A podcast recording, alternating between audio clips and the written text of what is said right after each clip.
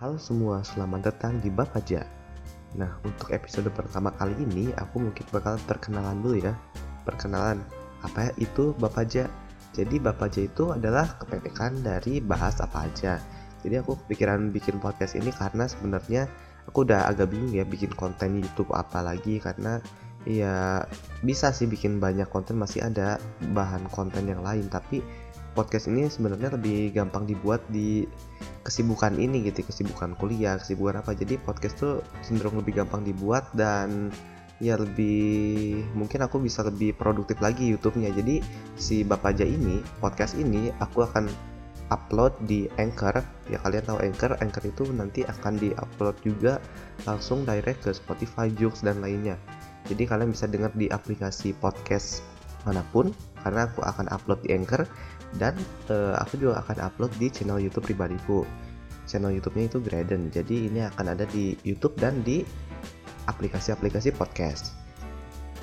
Nah, jadi untuk YouTube mungkin aku kurang tahu ya apakah ada marketnya atau enggak, apakah ada uh, listenernya atau enggak ya tapi yang penting sih aku ingin channel YouTubeku konsisten aja gitu karena kan podcast ini tadi aku udah bilang lebih gampang dibuat daripada video jadi ya semoga dengan podcast ini channelku bisa lebih produktif lagi. Nah untuk episode pertama kali ini aku mau ngebahas yang ringan aja sih ringan dan uh, seru juga ya sebenarnya. Karena ya ini topik udah lumayan banyak dibicarain banyak orang tapi mungkin aku punya pendapat yang berbeda.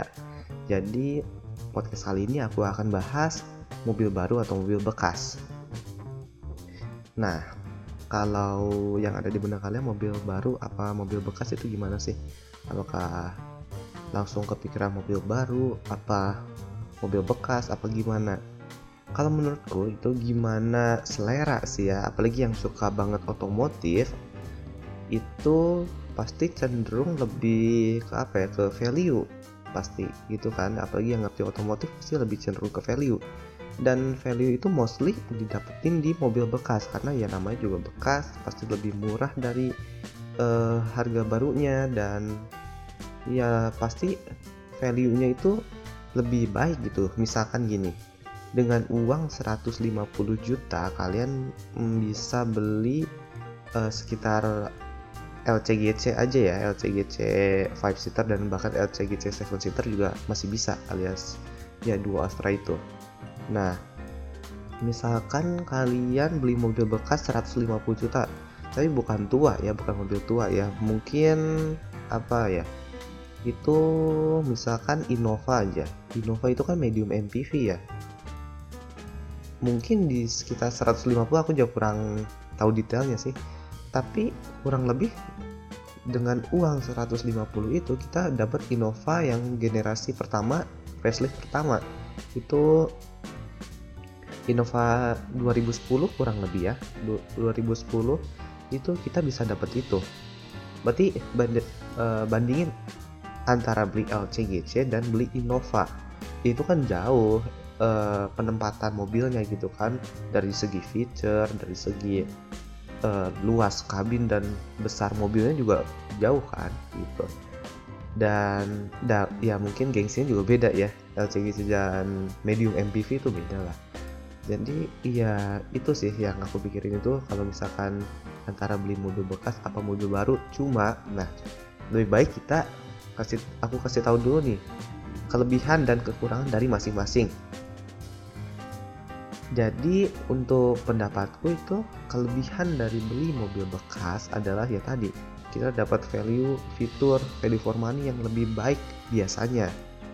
Kemungkinan besar seperti itu. Selain itu kita bisa dapat mobil yang lebih bagus di harga yang sama.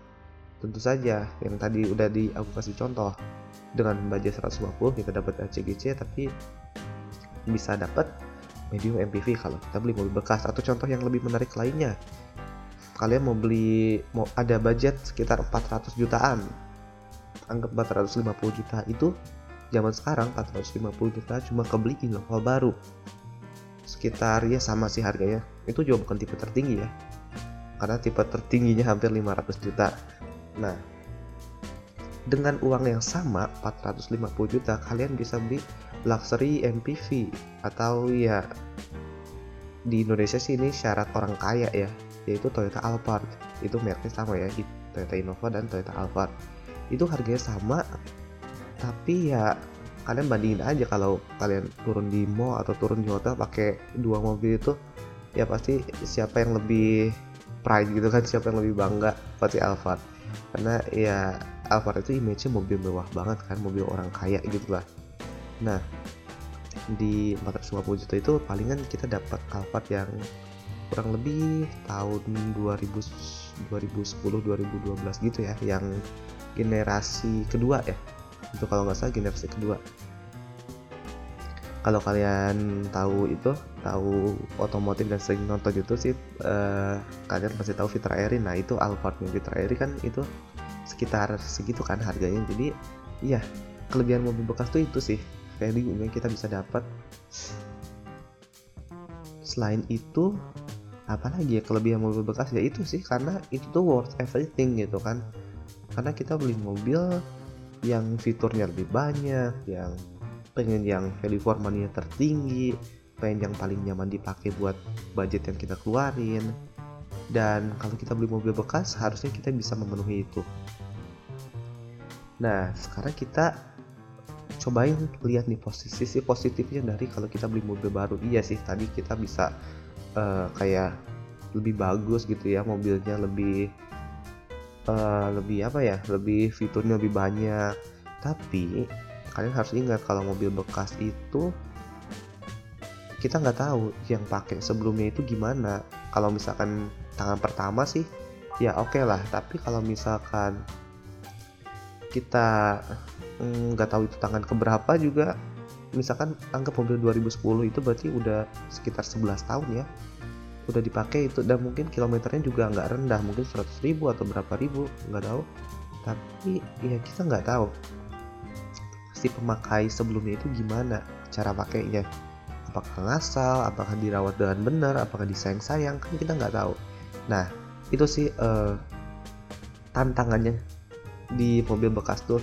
Jadi kalau beli mobil baru ya tentu aja kita beli dari dealer anggap beli kaya gitu dari dealer ya udah kita tenang sesuai garansi mobilnya. Misalkan garansi mobilnya tiga tahun kan Toyota atau berapa tahun ya kita udah tenang gitu mau misalnya istilahnya nggak akan ada kerusakan yang gimana gimana kalau misalkan kita beli mobil baru karena udah ada jaminan garansi dan ya mobil baru pasti cenderung lebih nggak akan rusak dulu gitu kan daripada mobil yang udah lama gitu. Ya istilahnya mobil yang 10 tahun ke atas gitu ya pasti mobil baru lebih tenang lah kitanya.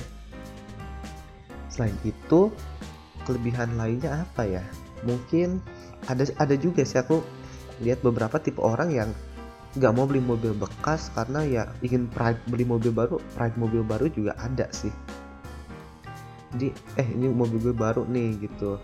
Masa beli bekas? gitu kan ada juga orang yang kayak gitu sih aku lihat beberapa. Jadi ya itu tergantung tipe orangnya juga ya dan mungkin untuk kelebihannya itu aja sih dari masing-masing ya sekarang aku pengen bahas dulu kekurangannya nih. Kekurangannya itu dari mobil bekas dulu ya. Tadi kan dari mobil bekas juga dulu. Nah untuk kekurangannya ya itu. Balik lagi. Tadi kan ada, uh, di kelebihan mobil baru itu adalah kekurangannya mobil bekas. Yaitu kita bisa dibilang nggak setenang beli mobil baru apalagi beli mobil yang umurnya lebih dari 20 tahun.